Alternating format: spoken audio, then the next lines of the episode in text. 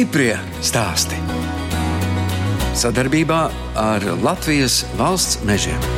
Pilsētniekiem jau ir tas priekšstats par lauciniekiem, ka viņi ceļās 5-6 no rīta, vāra cūkēdienu, piekvēpušiem griestiem virtuvē, iet uz to lietu ārā. Un ar viņiem jāsarunājās tā, nu, jomas tēvu, kā tā šogad rudzi, tā skaļāk, jo viņš tāds puskorlis ir. Tie stereotipi no veciem laikiem, no manas bērnības. Tagad tas Covid jau arī ļoti. Mums jau kādas trīs mašīnas iebraukuši pagalmā un meklē, kur tad tuvumā tirgo mājas. Un jauni cilvēki meklē īpašumus laukos, pirkt. Žurnālos uz vākiem ir visādas bildes, kur meitene laukos ar supu pa dīķi. Nu, skaisti, jo neviens jau negribēs nākt uz laukiem, ja viņam ir katru rītu piecos jāatcerās. Tomēr ir jāiemācās dzīvot laukos mūsdienu līmenī. Tā par dzīvi laukos stāsta mairažotāji Jānis un Ieva Jomi no Limbažu novada skultes pagasta ceplīšiem. Es, žurnāliste Daina Zalamane, šoreiz tiekos ar bijušajiem rīdziniekiem, kas jau 12 gadus dzīvo Ievas senču īpašumā.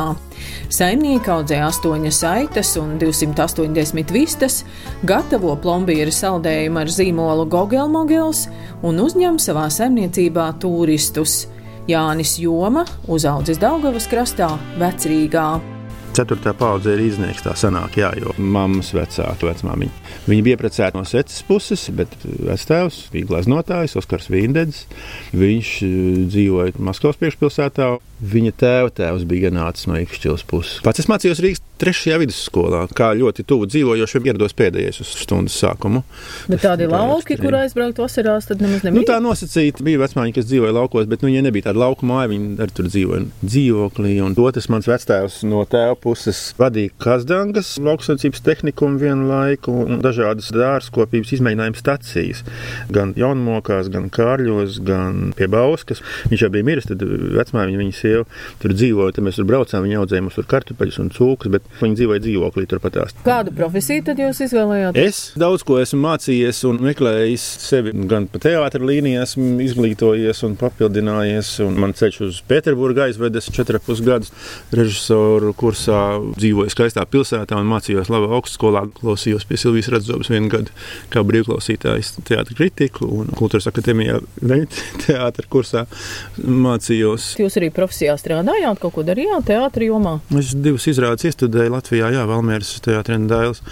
Mm, Bet tie panākumi man nebija arī man norādīja uz to, ka jādara kaut kas cits. Nu, ko jūs darījāt? Es biju darba ņēmējs, un tas nebija nekas tāds īpaši interesants. Un celtniecībā bija uh, tieši tajā nekustamā īpašuma burbuļu laikā. Ieva, tad stāstiet, un jūs rīdzinieci, cik paudzēs? Pirmajā, jo mana mamma ar savu māsu uzauga šitajās mājās. Bet mana vecā mamma, par cik nomira vēl pirms manas piedzimšanas, tad to māju atdeva kolhozam.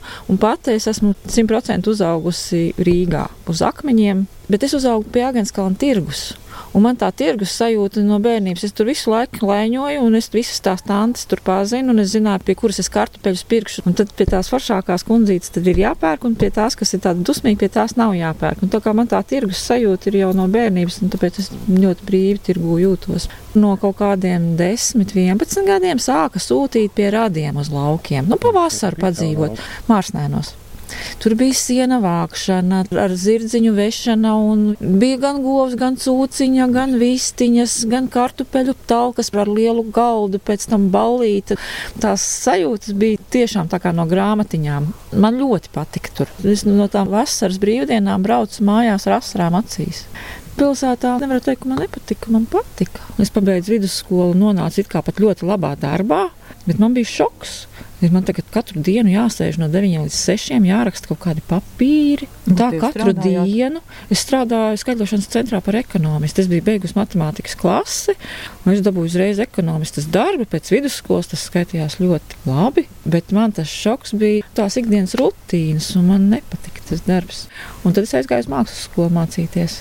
Es pabeidzu trikotāžu modelēšanu. Tajā brīdī tas bija moderni. Tas bija modē, jo tajā brīdī es pati sev šūnu drēbes, neko veikalā nopirkt nevarēju. un Tas bija ļoti stilīgi. Domāju, nu es tagad būšu trikotāžu modelētāja. Un ko tad jūs darījāt, kad pienāca tā 2008. gada krīze? Es strādāju reklāmas aģentūrā, datorgrafika. Un atnāca krīze un uh, Nu, ar reklāmas, jā, reklāmas aģentūras bija diezgan grūti krīzes laikā. Mēs atnācām uz šejienu nevis tāpēc, ka krīze sākās, bet tāpēc, ka mūsu bērni piedzima. Mēs atnācām bērnu kopšanas atvaļinājumā, padzīvot manu senču mājām, sākām remontēt. Un tam mums kaut kā vairs negribējās braukt projām, jo remonts iztaisīts, skries uz Rīgas dzīvokli četrās sienās. Nu, nē, jumtu vajadzēja mainīt, un no divām istabām uztaisījām vienu lielu. No Un... bērniņiem mēs uztaisījām, tur ir uh, divas guļamistabas, vānas istaba un vēl viena telpa. Nu, principā tāds kapitālais remonts izklausās, Nu, ja? jā, jā, jā, pavisam noteikti. Bet māja tāpat ir saglabāta koka māja. Guļbūve siltināta un vēlreiz koks virsū. jā. Sākumā mums ūdens bija vēl no akas, bet tad mums visu laiku, tā kā sākās māja ražošana, tad mums ļoti grūti gāja, ka mums visu laiku ūdens pietrūka. Dažus gadus atpakaļ vīrs saņēmās un izrakām un pievilkām ūdeni pie pilsētas ūdensvada. Protams, lai dzīvot laukos, vajag dabūt to komfortu, lai ūdens nāk no dziļurbuma, lai toalet ir iekšā, lai nav jāiet ziemā ārā.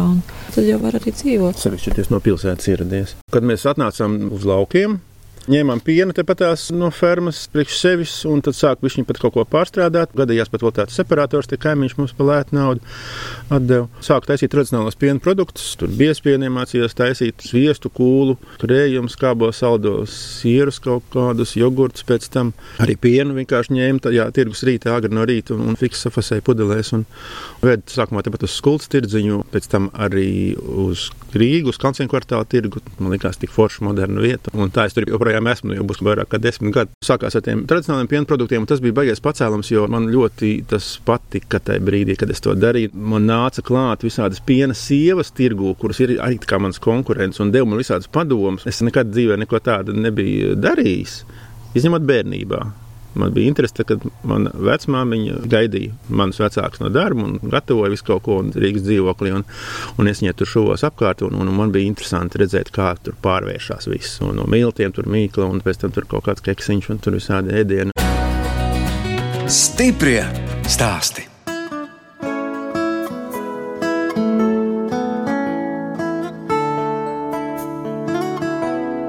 Jūs klausāties raidījumu stipri stāstī.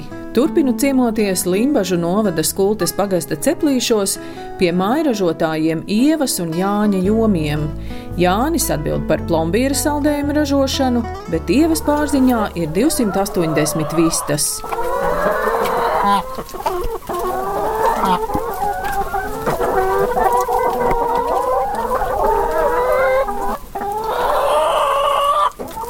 Jums šitā pa šķīri tādas skaistas brūnas?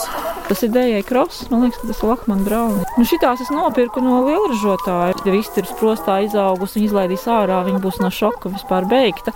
Bet, nu, man ir desmit gadu pieredze ar vistām, tad es viņas tādas sprostu vistas es varu paņemt un, un ļoti pakāpeniski viņām jāparāda, kur ir ēdiens, kur ir dzēriens. Viņas ir sākumā domjas, viņas vispār neko nemāk, nemāk nēst, ne dzert atrast.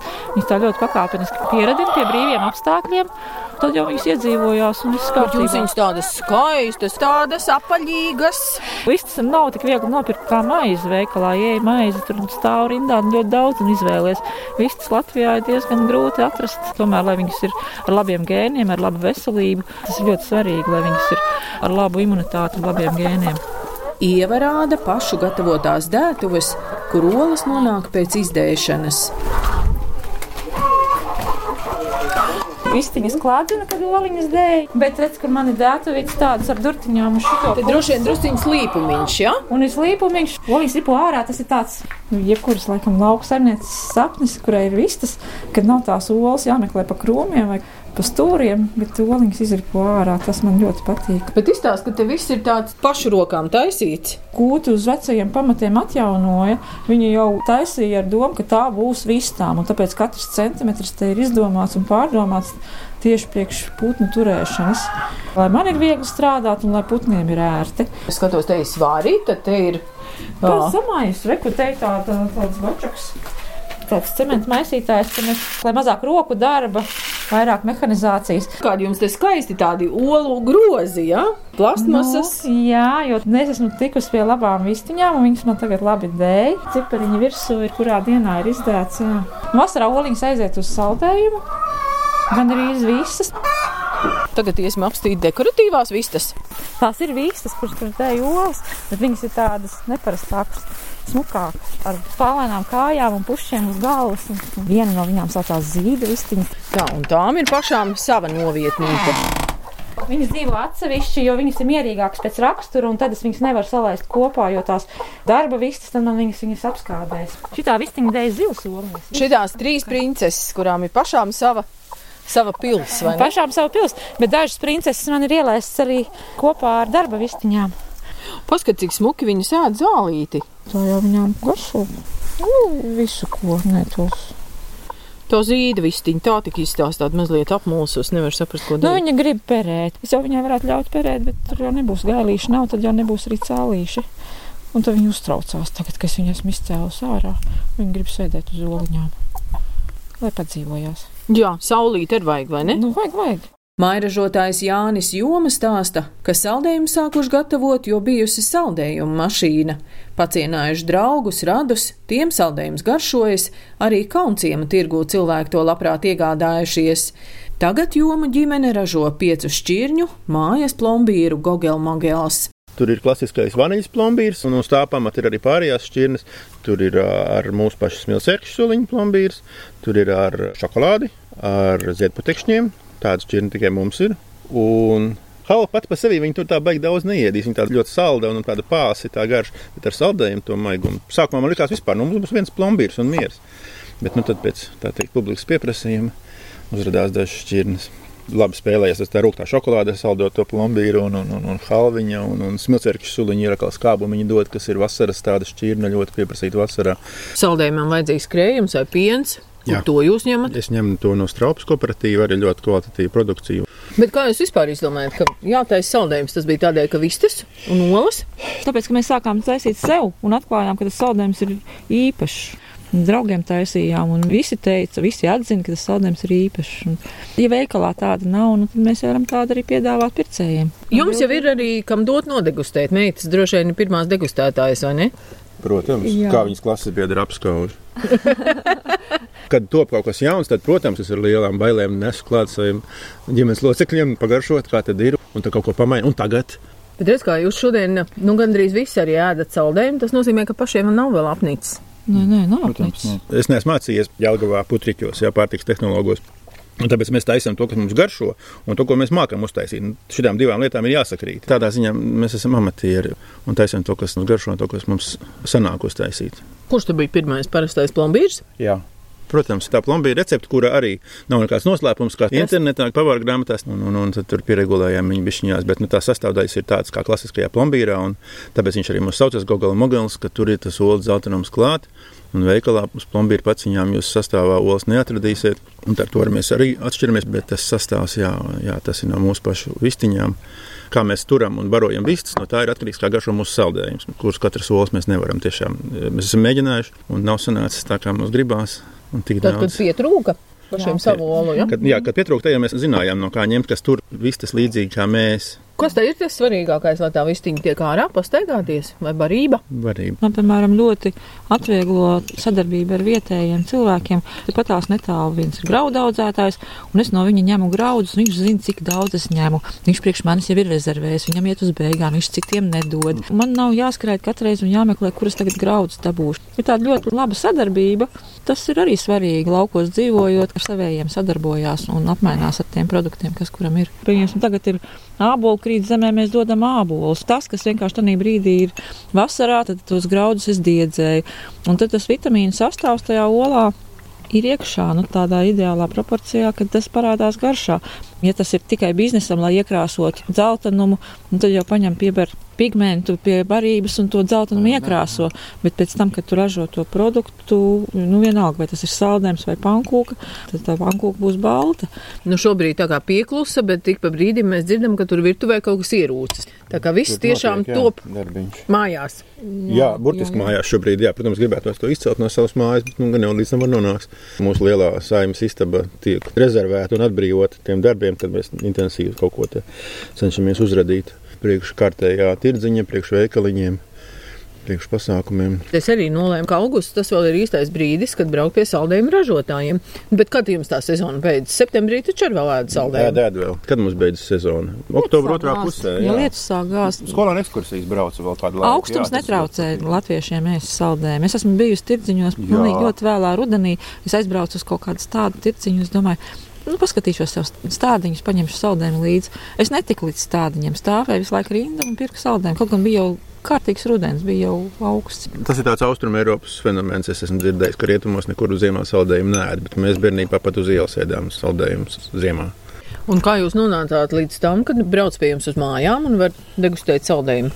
Limbaģa novada turisma informācijas centrs ir ļoti labos uzdevuma augstumos un popularizē mūsu cik tik spēdams. Paldies viņiem par to tiešām cilvēku īstajā vietā. Saukrastos arī ir labs turisma informācijas centrs. Mums labākie sadarbības partneri. Ir tāds teiciens par turistiem, ka autobuss ir 50 sievietēm virs 50, jo tas ir tāds raksturīgs formāts, kā tiešām ceļot cilvēku. Nē, nu, tā kā kāds lielāka grupa, tas stiepjam visus krēslus no mājas ārā, pilnīgi visu, ko vien var iznest, visus ķeblīšus, un, visiem lai visiem ir kur jā. kaut kur apsēsties. Bet tāpēc mēs arī te būvējam kaut ko papildus. Jā, jā. tas būs. Tas ir tieši viesu uzņemšanai paviljons. Nojumīte, Lai arī laiks mums tā teikt netraucē baudīt saldējumu.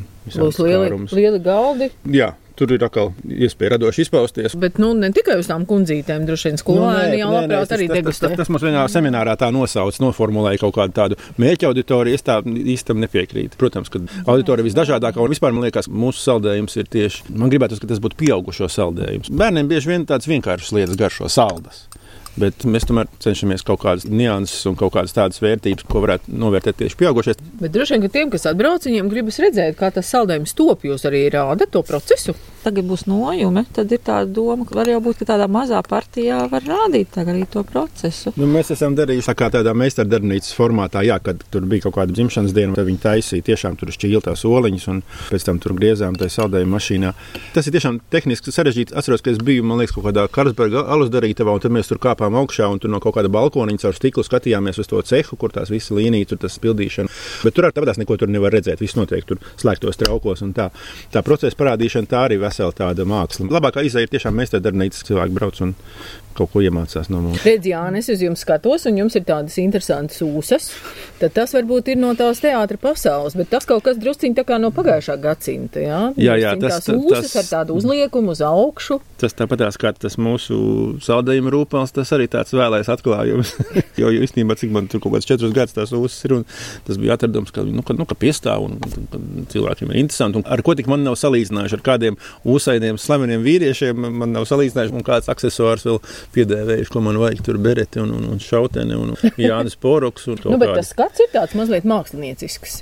Kāpēc? Nē, protams, ka tas, ka mēs vasarā pieņemam ekskursantus, tas, ka es stāvu tirdziņā pats arī visbiežāk tāds darbs ar publiku. Un, un, Jā, tā arī loma, tad, un, un, jā, un, un tā, tās uzas ir nedaudz tā kā tāda maskais, kuras es varu kaut kā arī brīvāk justies. To ūsu dēļ varbūt arī daudz jūs atcerās. Jā, jā jau noteikti, pavisam noteikti. Tirdziņā pircējs meklē to pārdevēju. Viņš ir Jā. kā grib produktu, bet viņš meklē nevis to produktu, bet pārdevēju. Nāk pie manis un prasa, un kur tas uh, kungs ar tām mūsām palika? Un, un pie vīra prasa, saka, un kur tā kundzīte? Nāk pēc saldēm, bet meklē tos pārdevējus. Visi mazie ražotāji jā. tomēr ir, nu tas ir tāds personalizēts jā, produkts, vai ne? Tas nav tāds masa produkts, ar to jau jūs atšķiraties. jā, protams.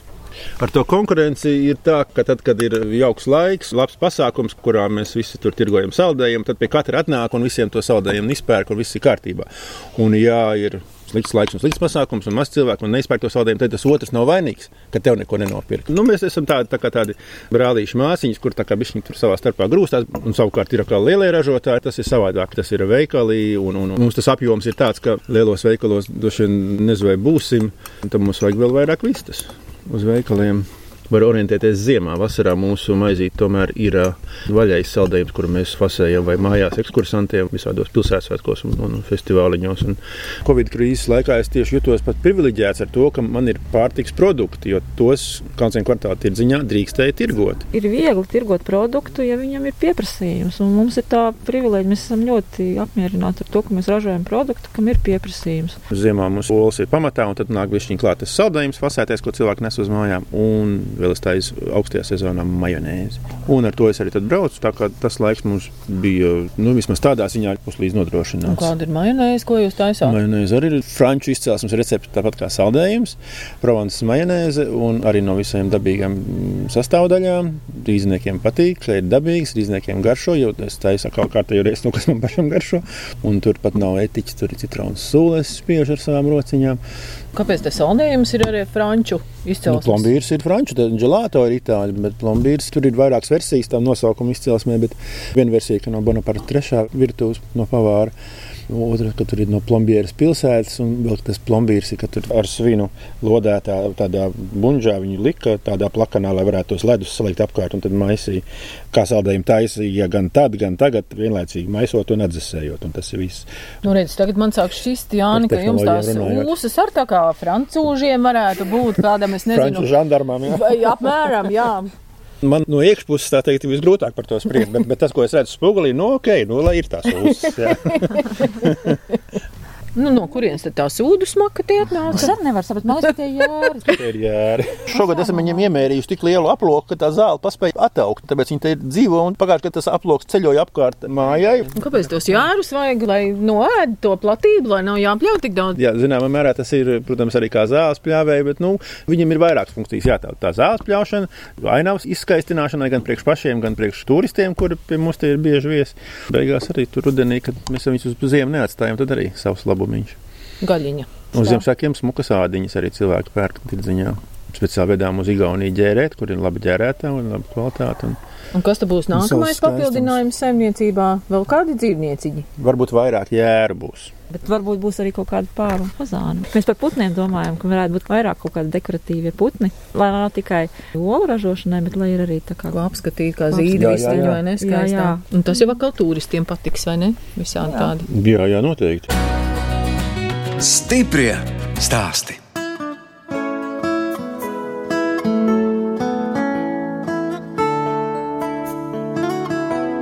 Skan redzējums stipri stāsti. Šoreiz ciemojos Limbažu novada skultes pagasta ceplīšos pie Ievas un Jāņa jomiem. Viņi vēl stāsta par ikdienas darba ritmu un divu meitu, Annijas un Paulas audzināšanu. Nu, attiecībā uz to saldējumu ir tāds nedēļas cikls, tāpēc, ka mums katru nedēļu ir kaut kāda pasākuma vasarā, kuros mēs zinām, ka mums tur vajadzēs saldējumu tik un tik.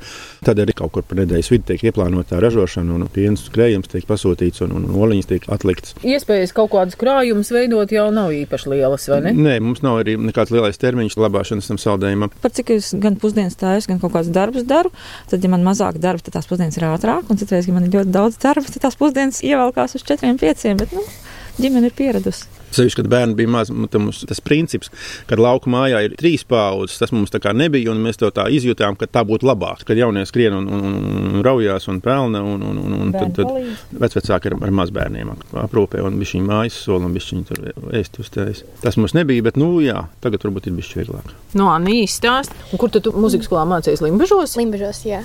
Un patīk tev tās klavieres spēlēt? Jā, piekto klasi pabeidzu muzikas skolā. Un vecākiem tev tur tā bišķiņā piespiež, vai tu pati Nu, labprātīgi? dažreiz jāpiespiež. Un ko vēl tev patīk darīt?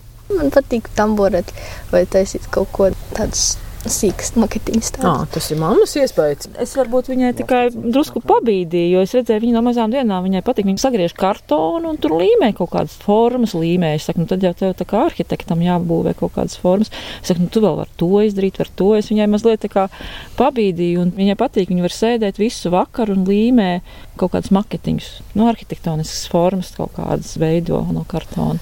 Un tagad viņa vēl mākslas skolā arī iet, un tad tur tas nodara, un esmu skolotāja sajūsmā. Tu bez parastās skolas vēl divas skolas klāt. Jā. Un kas tad tev no Limbažiem ved mājās? Mums ir skolas autobus brauc. Tad tu mācies arī Limbažos. Jums tev uz vietas skolas nav?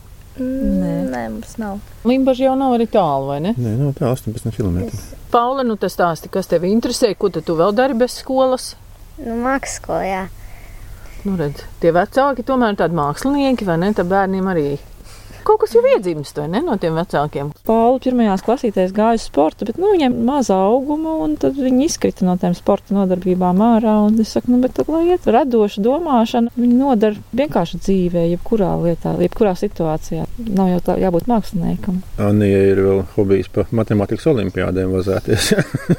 Ar no mammas, jā? Un tas ir no mammas, un tā, tā skaitļošana un tā analizēšana varbūt kaut kāda no manis. Un, un, un, un arī tas, ka mēs braucām, kādreiz bija uz bērnu dārzu jāpavada vecākiem, tad mēs pēc ceļiem, kamēr braucām tajā skolas autobusā, es drīkstēju viņus pavadīt.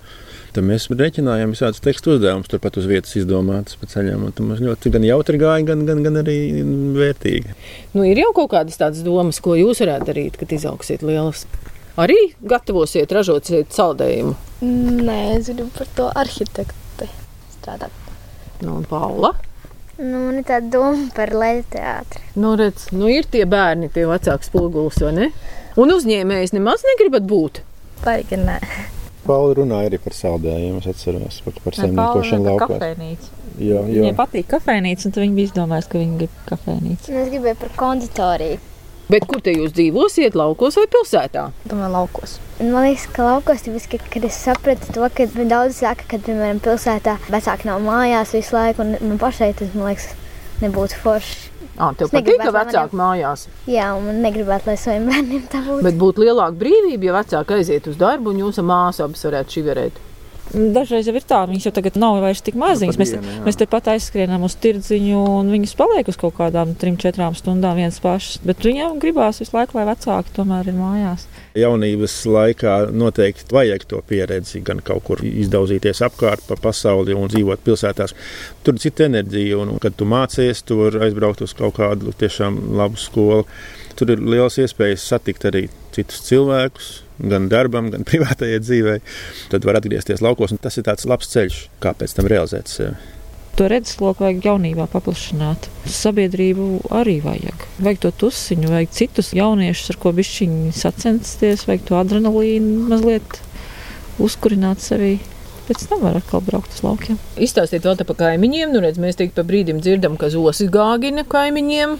Kas tad vēl jums te ir tūmā? Kaimiņi mums ir dažādi, un laucinieki vispār ir dažādi. Ir kas ir te vairākas paudzes eh, dzīvo, ir ienācēji, ir kas brauc un strādā kaut kur Rīgā, Pierīgā vai Limbažos katru dienu. Ir kas tie atkal strādā pa apkārtnes saimniecībām, kur kaut ko vajag, arī pie mums nāk. Dzīvojam purva malā. Jā, seķu purva malā un purs tiek izstrādāts. purvs? Jā, seķu purs. Robežojās zem ar purvu, tur tiek izstrādāta kūdra. Nekurienes vidū mēs dzīvojam. Ja mūsu zemes robeža ir arī pagastu robeža un arī novada robeža. Aiz mūsu zemes jau ir cits kaut kas. Nu, protams, ka tā Salzgrīs novads tepatās mēs esam, bet ir tā nost un Limbašos vakarā nav cilvēku uz ielām un, un kur nu vēl laukos. Sevišķi tumšajos vakaros, kas ir novembrī, decembrī, mums pietrūks, un tad mēs braucam uz Rīgu, mums sagādājam kaut kādus koncertu teātra biļetes uz kaut kādu Igaunijas spā, aizskanām uz skolēnu brīvdienām. Pagājušajā gadā bijām Londonā. Sēsīs mēs uz koncertiem braucam, arī tur forši mums tur draugi dzīvo, un tad mēs sabraucam kopā, visi tur satiekamies vēl pēc tam. Bet nu, par to tumšo laiku, jā. Tad mēs slēdzam daudz gaismas, jo gaisma arī ir antidepresants, neļauj mums drūmām domām attīstīties, jo, jo tad ir mazāk darba, mazāk gaismas. Es pagājušajā gadā sakarināju lampiņu sābelē vienā, un tad man teica, ka tas izskatoties kā benzīna tankā. Jā, Iepriekšējās lampiņas teica, ka izstāsta kā tramvaja depo. Jā, nu, taču tu mazāk klausies, ko saka. Ir skaidrs, ka mēs iluminējam, lai, lai skatoties pa logu, nebūtu tumsa, bet lai būtu tur kaut kas un tur kaut kas un vēl višķiņās. Un tad teiksim, sapņi saistīti ar ceļošanu. Un, un, un sapņi tādā ziņā, ka tiešām viņi grūti realizējami, tāpēc, ka mums ir tie dzīvnieki mājās, un mēs nevaram visi kopā uz ilgu laiku kaut kur aizceļot. Man patiktu gan ar mašīnu apbraukāt kaut kādu Eiropu, gan pēdējā laikā par burāšanu interesējos. un Tas arī ir tāds Jā, sapnis, jo mums arī skultē ir tikko nodibinājies jachtklubs, un arī osta ir uztaisīta tā krastmāla, burtiski tagad viņa tiek pabeigta. Jānis cītīgi mācās jahtu kursos tik, tikko, bet, nu, ti- teorija, jā, nu, tiesības vēl nav noliktas. Sēž te bet Teorija laukos. mācās. Sēžu te laukos un sapņoju par tālām jūrām. Tā. Un ko ieva tikmēr? Uz jahtas tad es esmu tas pavārs, es plānoju ēdienreizes. jā, jā. Un tā meitas arī ar jums kopā burā. Mēs tagad izmēģināsim. Es vēl nekad neesmu uzkāpis uz jahtas. Mēs domājam, ka mēs uzkāpsim nākamā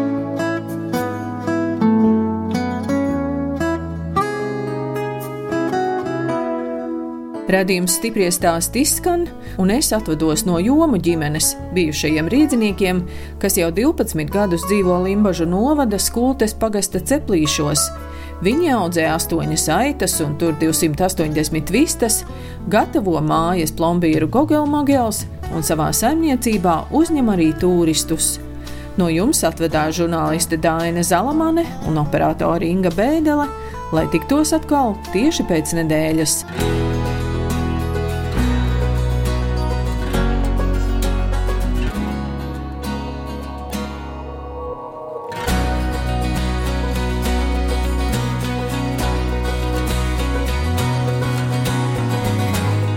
Stiprie stāsti. Sadarbībā ar Latvijas valsts mežiem.